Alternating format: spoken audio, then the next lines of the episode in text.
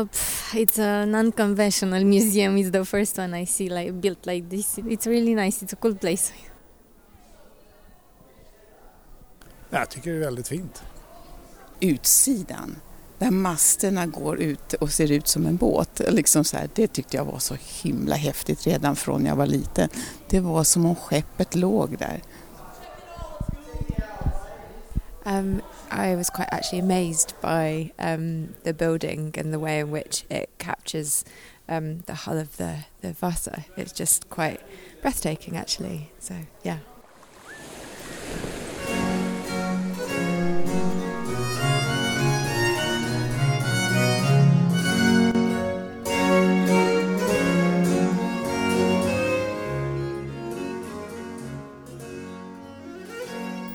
För andra året i rad blev Vasamuseet år 2018 Sveriges mest besökta museum. Skeppet är förstås imponerande, liksom alla berättelser om det och om Vasas tid. Och det är ju därför vi gör den här podden. Men nu ska vi prata om själva museibyggnaden. Välkommen till Vasamuseets podd med mig, Katrin Rising. Idag har jag bett vår husarkitekt Per Albom och Peter Rydebjörk som är guidansvarig här på museet att vara med och berätta om själva huset, Vasamuseets byggnad. Hej på er! Hej Katrin! Hej Katrin! Peter, kan inte du börja med att beskriva atmosfären här på museet för de lyssnare som aldrig har varit här? Det som är det mest eh, speciella för besökarna när de kommer in så är det ofta att det är relativt mörkt och att man möter skeppet direkt när man kommer in i museet. Och det är det som väldigt många pratar om som det speciella. Det finns också massa saker i kring men, men det är hela tiden skeppet som är det som man ser. Man ser att det rör sig en massa människor, man hör en massa ljud. Men var man än är i byggnaden så har man alltid möjlighet att se skeppet. Per, då vill jag fråga, vad innebär det egentligen att vara husarkitekt? Eh, det är ju Statens fastighetsverk som äger och förvaltar eh, Vasamuseets byggnad. Fastighetsverket har eh, i uppdrag av regeringen att eh, ansvara för alla så kallade kulturarvsbyggnader i Sverige. Och eh, jag eh, har då på uppdrag av Fastighetsverket eh, ansvar för kan man säga kontinuerliga underhållsåtgärder och eh, om och tillbyggnader i huset. Mm. Mm. Och som, som arkitekt och som professionell, vad, vad tycker du om den här byggnaden?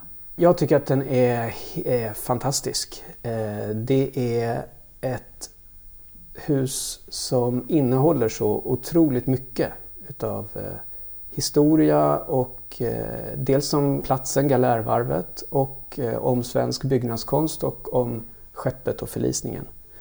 Det finns mycket detaljer och mycket i uttrycket som påminner om de varvsskjul som eh, stod på platsen när det här var flottans varv från tidigt 1700-tal och fram till slutet av 70-talet när man flyttade ut till Muskö.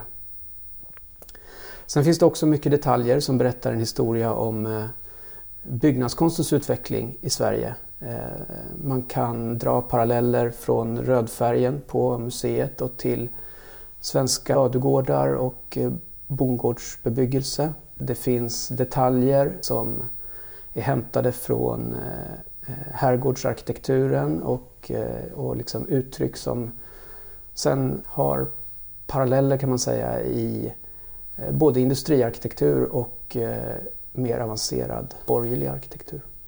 Och om vi då går in i byggnaden, vad är det som gör den så speciell? Eh, när vi rör oss in i byggnaden så rör vi oss kan man säga samtidigt genom tiden. Att eh, komma in först i entréhallen eh, där entrétorget fortsätter in med sin stenläggning. Och sen förbi kassorna och genom den lite trånga mörka gång som leder in i skeppshallen så försätts man i en stämning av förväntan skulle jag säga. Man, man känner att det är någonting som kommer att hända. Och när man kliver in i skeppshallen så fortsätter ju gatubeläggningen men det är som att man förflyttas till kanske 1600-talet. En kaj där det ligger ett örlogsfartyg eller ett vrak. Mhm, så att du, jag som besökare ska uppleva båda de sakerna på samma gång? Alltså både vraket och eh, fartyget? Det skulle jag säga, ja. Det finns en tydlig koppling till eh, Vasa och eh, byggandet av Vasa och Vasa liggande vid kaj samtidigt som det som vi ser ju är vraket av skeppet Vasa. Peter, vad, vad, skulle du säga, vi som har det här som arbetsplats också, hur tycker du att det fungerar att både vara ett museum och en arbetsplats? Som arbetsplats betraktat så ger ju den här speciella arkitekturen lite utmaningar. För eh, besökarna ställs hela tiden inför frågor. Eh, vad ska jag göra nästa steg? Nu har jag kommit in. hur ska jag ta mig an det här? Var ska jag gå? Vad ska jag titta på? Och då är byggnaden som sån är både en fantastisk möjlighet för besökarna att välja själva vad de vill göra men det är också ett behov av vägledning. För det saknar väldigt såna typiska markörer hur man ska röra i sådana här byggnader. Så här, hur, hur ska jag göra i det här museet? Och då så säger vi att ja, men det finns en massa möjligheter. Ni kan gå på guidad tur, man kan titta på utställningar, ni kan kolla på filmen. Ja, ja, men hur ska jag göra? frågar besökaren då. Och det är en utmaning för oss. Nu har vi pratat mycket om byggnaden eh, och hur den upplevs. Jag tänkte att vi skulle bara nämna några hårda fakta. Eh, den är ritad utav eh, Göran Månsson och Marianne Dahlbäck, två väldigt duktiga arkitekter Eh, som är oerhört historieintresserade och eh, belästa både inom historia och inom eh, byggnadskonsten kan man säga. Byggstart var 1987 och museet stod färdigt 1990. 1981 utlyste man en arkitekttävling och den drog deltagare från alla nordiska länder. Det blev ett delat första pris mellan ett danskt och ett svenskt förslag. Mm. Det danska förslaget låg på den platsen där Vasavarvet tidigare låg mm. och det svenska förslaget låg då här i Galärvarvet. Mm. Fram till eh, mitten av 70-talet eh, så var ju Galärvarvet flottans mark. 76 tror jag flyttade man ut all verksamhet till Musköbasen. Mm. Och eh, eh, Galärvarvet överlämnades eh, som parkmark till stockholmarna. Och då väcktes också idén att kanske bygga Vasamuseet här på Galärvarvsmarken. Och den slutgiltiga placeringen blev då i den torrdocka som fanns här på Galärvarvet. Hur visades skeppet tidigare, innan det kom hit? Då visades det tillfälligt, men stående på samma ponton som idag är källaren i museet. Står den på för det man kallar för alkärret, men det är där eh, spårvagnsparkeringen vid Liljevalchs ligger idag. Och, där, och där, där, stod den då flytandes på den här pontonen, men man hade ett museum som var byggt på land. Men då var det där var det också kombinerat med konserveringsateljéer och verksamhet ute på Bäckholmen fortfarande, där skeppet först hade kommit upp. Mm. Och eh, väldigt snabbt kommer man igång och tycker att nu ska vi visa skeppet, det är viktiga att visa skeppet och man är hela tiden väldigt generös med, med att visa allting och det, och det är liksom en idé som sen har liksom kunnat hållas vidare. Så att när skeppet skulle flyttas hit, då åkte skeppet in i den här dockan. Alltså, idén var ju att man konstruerar hela museet ovanpå den här gamla eh, torrdockan men då har man också expanderat den så att man gör den större. Ja. Och sen så kan man då putta in skeppet flytande på den ponton som skeppet stod på i det gamla Vasavarvet så flyter den in i museet. Så pumpar man ut vattnet och pontonen blir en del av golvet inne i museet och också källaren. Och sen kan man då färdigställa museet runt skeppet så när det kommit in. Så att museet var alltså inte färdigbyggt när Vasa åkte in i byggnaden, stämmer det? Det stämmer, så var det. Ja, en intressant sak var ju att eh, besökare fick komma in sommaren innan det var färdigställt museet också och gå runt och titta på skeppet. Men bara på, på det som är liksom entréplanet när man kommer in, så innan utställningarna är gjorda. men eh, innan det kan man väl säga att det, det, är lite intressant just det här när skeppet glider in i, i dockan. För det var ju en av eh, problemen som, som, som man stod inför att lösa när man skulle göra ett museum på den här platsen. Hur ska man förhålla sig till att här ska vi bygga ett ganska stort museum väldigt nära en väldigt viktig byggnad på Djurgården, nämligen Nordiska museet. För Per, du brukar ju berätta om, om just eh, förhållandet mellan hur, hur ska man se på de här kropparna, Nordiska museet och Vasamuseet? Ja, precis. Och där kan man ju säga att Nordiska museet eh, är ju ett museum över eh, nordiskt liv och därmed också i någon mån eh, över det, alltså byggandet i Norden, även om deras byggnadsdel, ju Skansen, eh, inte ligger här. Och just det att eh, Vasamuseet tar avstamp i, i den nordiska byggnadskonsten gör ju att det blir ett väldigt bra komplement till Nordiska museet. Den här uppbrutna volymen som Vasamuseet eh, har med eh, en mängd olika takfall och eh, olika väggliv eh, som skjuter in och ut och bildar olika volymer gör ju att byggnadskroppen inte alls upplevs som så dominerande och stor som den är. Och det gör ju att Nordiska museet får en mer betydelsefull plats. Huset är ju helt eh, ritat och konstruerat bara för eh, skeppet Vasa. Mm. Och vad var viktigast när byggnaden skapades? Var det att skapa en atmosfär eller var det funktionen? Eller? Jag tror att just arkitekturen eh, här på Vasamuseet har en väldigt stor del i museets framgång. Så att det är inte bara skeppet utan det är också hur skeppet presenteras i den här byggnaden som gör att det har slagit så stort. Det är ett unikt föremål men, men just den här kombinationen tror jag är jätteviktig.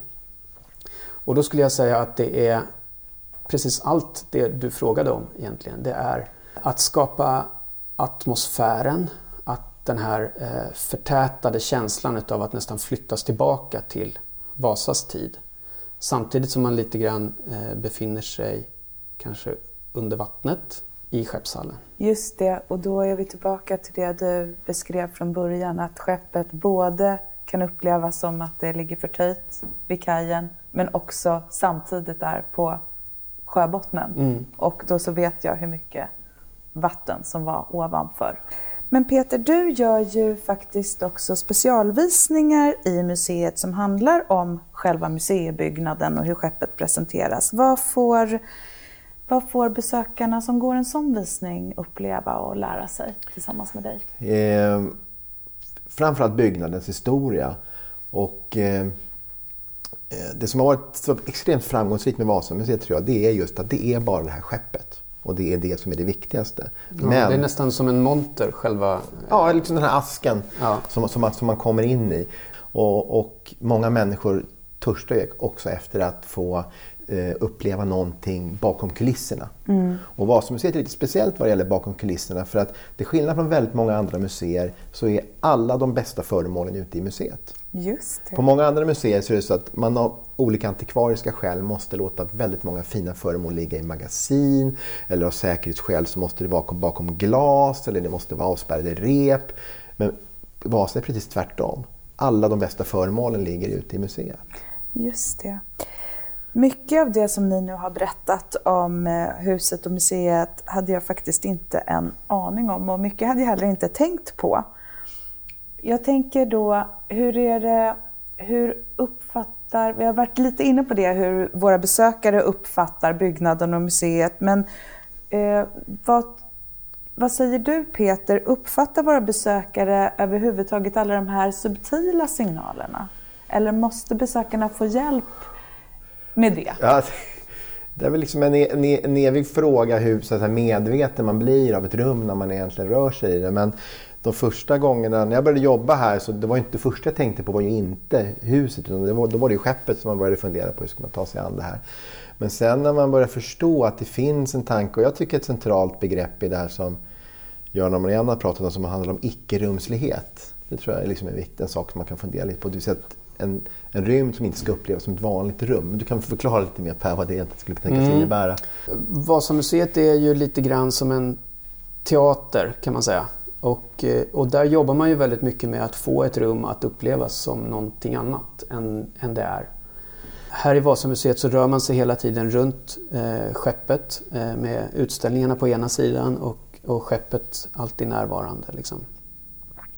Den här icke-rumsligheten är, är, är, två saker. Dels är det eh, det upplösta rummet.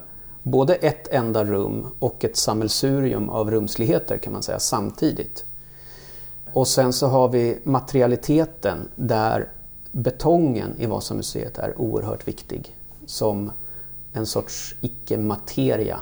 Alltså betongen är nästan som någonting som ska vara så diskret så att den inte pockar på uppmärksamhet överhuvudtaget. Lite som en dimma, en bakgrund. Och är det ett medvetet val? Ja, det skulle jag säga. Att det, det är en oerhört medveten strategi. Och det medför också att betongen blir väldigt viktig att ta hand om i museet. Och hur för tar, mig som husarkitekt. Och hur tar du hand om betongen här i museet? Ja, som exempel så kan jag nämna att på plan 6 håller man på att ta fram en helt ny utställning. Det ska bli jättespännande att se den växa fram. Där har man tidigare haft en utställning som hade bemålat betongen väldigt kraftigt. Så att bakgrunden till skeppet bestod av en blå himmel och en massa barockfigurer kan man säga, målade direkt på betongen. Det där har vi eh, med hjälp av konservatorer och en målerifirma lyckats få bort. Eh, ett oerhört eh, tidskrävande och försiktigt arbete för att få skrapa fram den ursprungliga betongen. Här. Så det tycker jag absolut att man skulle komma hit och titta på betongen. Bara. Den är fantastisk. Sen handlar det naturligtvis också om att hela tiden i det här museet se till helheten. Det är en oerhört intrikat väv av en massa små detaljer som tillsammans bygger upp stämningen kring museet. Så att för att lite koppla tillbaka till din fråga förut, mm. uppfattar man allt det här subtila? Mm. Alla de här undertexterna som finns? Nej, man kanske inte uppfattar dem direkt men man uppfattar helheten och den är väl sammansatt och förstärker då skeppet. Vassmuseet är ju ett enormt eh, populärt museum, det konstaterade vi redan i början. 1,5 miljoner besökare per år och eh, det ser ju inte ut som att det kommer mattas av. Har vi någon plan då för hur vi ska få plats med kanske ännu fler i framtiden? Kommer huset att tåla det? Det tror jag absolut att huset kommer att tåla. Eh, vi gör ju små förbättringar hela tiden. Vi försöker se var uppstår det eh, förtätningar eller trängsel och vad kan vi göra för att förbättra besöksupplevelsen. Samtidigt som det då handlar om att titta tillbaka och, och se så att inga värden går förlorade i det ursprungliga. Sen ligger ju huset i nationalstadsparken och det gör eh, att det är besvärligt eh, med tillbyggnad och sådana möjligheter. Så att vi måste nog räkna med under överskådlig framtid att vi eh, håller oss inom befintlig eh, struktur. Liksom, så. För när Vasamuseet byggs, då in, i uppdraget så ingår det att bygga ett museum för 600 000 besökare. Just det, och, och, då, och, då, och då, på den tiden, då på 80-talet, så betraktades ju då det som en galen beställning. Så att säga, tror de att de ska få 600 000 besökare i Stockholm till ett museum? Och så lite besökare har vi aldrig haft. Så det är också en inte ens första året museet Nej, inte på, ett, inte på ett helår. Så lite besökare har aldrig varit. Och, och det, det ger ju också så att säga, hur den här resan har sett ut. Att vi har ju hela tiden lyckats anpassa oss efter det här. Men det blir också problem. Entréområdet var ett problem som ju löstes med att man expanderade museet 2013 och, och rättade till en del problem. Men, men det är andra typer av problem när man tänker sig att 600 000 människor ska gå på toaletten och det kommer en miljon, ja då blir det också andra bekymmer. Men hittills har vi lyckats lösa det mesta så det säger nog liksom också att vi kommer göra det i framtiden. Och, och jag tycker det känns hoppfullt just att eh, det ändå tas så pass stor hänsyn både från oss som verksamhet och också från Fastighetsverket till så att säga, huset och man ser det. För man kan bara tänka sig att om, om vi tittar på de debatter som är när man vill bygga ett Nobelcenter idag som är en relativt liten tomt, eh, liksom en bebyggelse här byggde man ett jättestort hus väldigt nära en annan väldigt betydelsefull byggnad. Och, och, det lyckas man få igenom. Så det var ju också att det var liksom ett, ett fönster med möjligheter då. Och på samma sätt känner jag att liksom vi har det fönstret nu med möjlighet att faktiskt bevara den här originalidén och liksom ta den vidare. Mm. tänker jag. Ja. Tack Per och Peter. Tack. Tack. Det här huset är ju inte bara ett museum utan lite som vi var inne på så är det ju också en arbetsplats. Nu ska jag ta mig vidare till kontorsdelen i den här byggnaden och titta in till Lisa Månsson, Vasamuseets chef.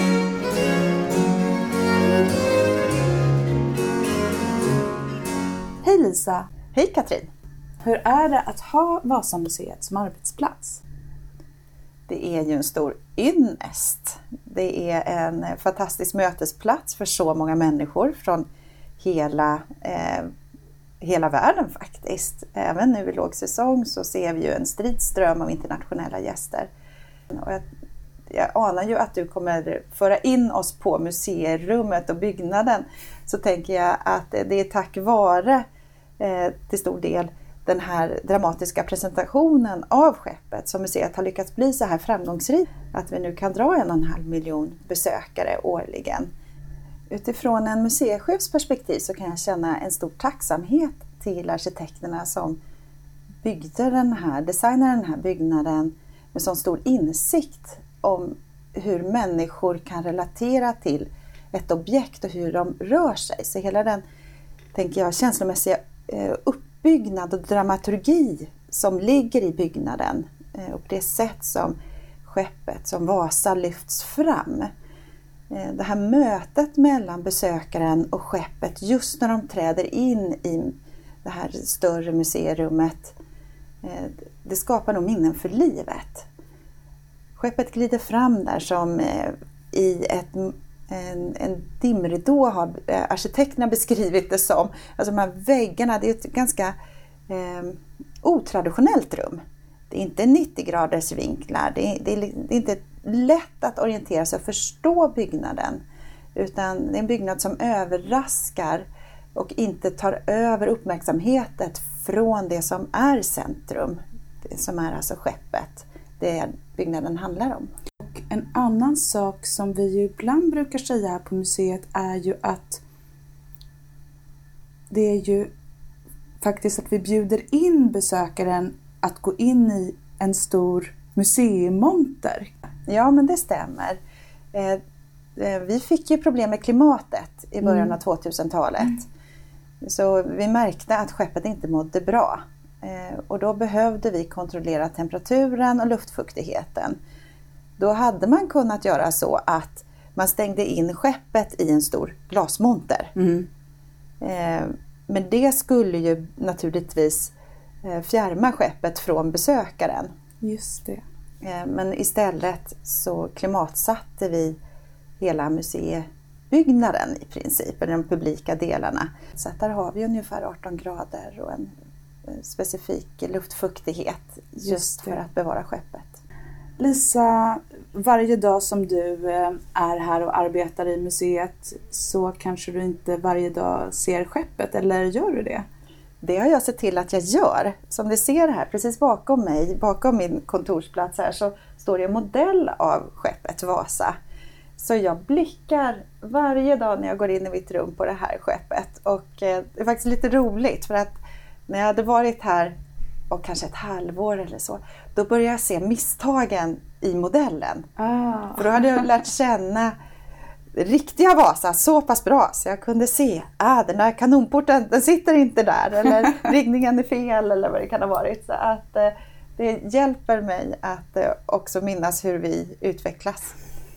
Om jag skulle rikta en tanke till arkitekterna igen så tänker jag att vi har fått väldigt bra förutsättningar här. Det finns andra museer som eh, har fått ett, eh, en byggnad som kanske var byggt för ett helt annat syfte.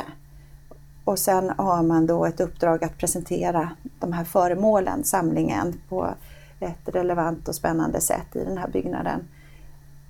Det är ju en större utmaning i det. Eller kanske en museibyggnad som, jag tänker våra vänner på Sjöhistoriska, de, det är en byggnad som byggdes för att vara ett museum men det byggdes för ett eh, besöksbeteende eller en eh, besöksupplevelse som man förväntade sig då att den skulle se ut för 80 år sedan, när mm. Sjöhistoriska byggdes.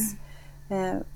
Men man hade kommit mycket längre i tankarna kring vad en besöksupplevelse skulle vara när Vasamuseet fick sin design på 80-talet. Tack Lisa för de orden. Tack. Och tack till er som lyssnar. Det har faktiskt kommit in lite önskemål på andra saker att fördjupa sig i här i Vasamuseets podd och det är verkligen roligt. Jag lovar att göra vad jag kan för att uppfylla de önskemålen. Till exempel var det flera som ville veta mer om Margareta Nilsdotter och det ska vi försöka ordna. Det var allt för nu. Tack ska ni ha.